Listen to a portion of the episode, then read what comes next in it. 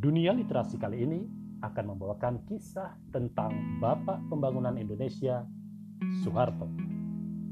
Kali ini, kisah yang dituturkan oleh Timbul Hadi Prayitno, seorang dalang dari Yogyakarta. Kisah itu berjudul Kisah Semar dan Cerutu.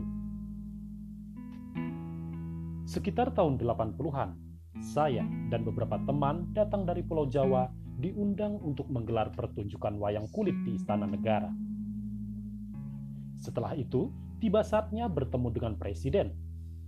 Pertemuan itu terasa gayeng atau asik karena Pak Harto yang banyak mengerti karakter tokoh-tokoh wayang membahasnya dengan santai.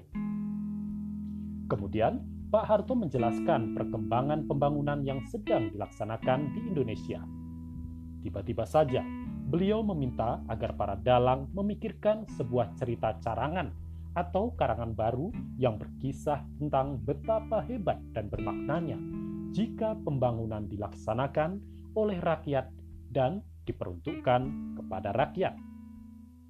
Kami menyambut ide Pak Harto dengan sukacita.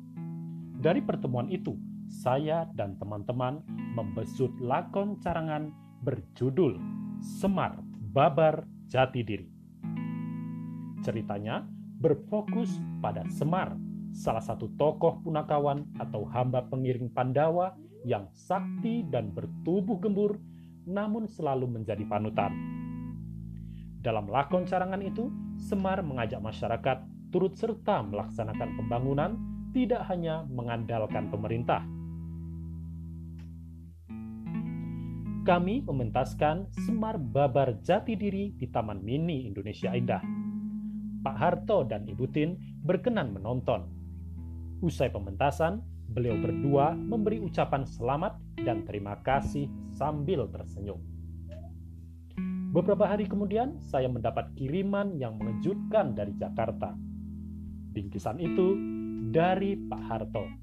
Isinya pipa yang terbuat dari tulang ikan hiu saya juga mendapat kiriman cerutu. Menimang-nimang kiriman itu membuat saya jadi merasa Pak Harto menganggap saya sebagai temannya. Setelah itu, saya sering mendapat kiriman cerutu dari Pak Harto. Padahal saya tidak pernah memintanya. Seringkali saya tidak langsung mengisapnya. Eman-eman kalau cepat habis. Setelah Pak Harto berhenti menjadi presiden, kiriman cerutu pun tidak datang lagi.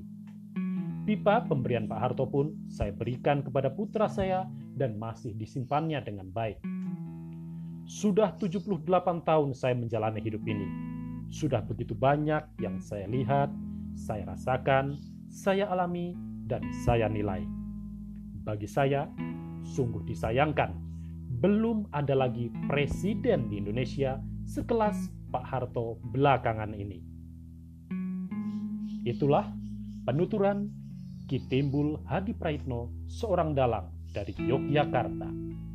Seperti kami kutip dari buku Pak Harto The Untold Stories, terbitan Gramedia Pustaka Utama. Sampai jumpa lagi.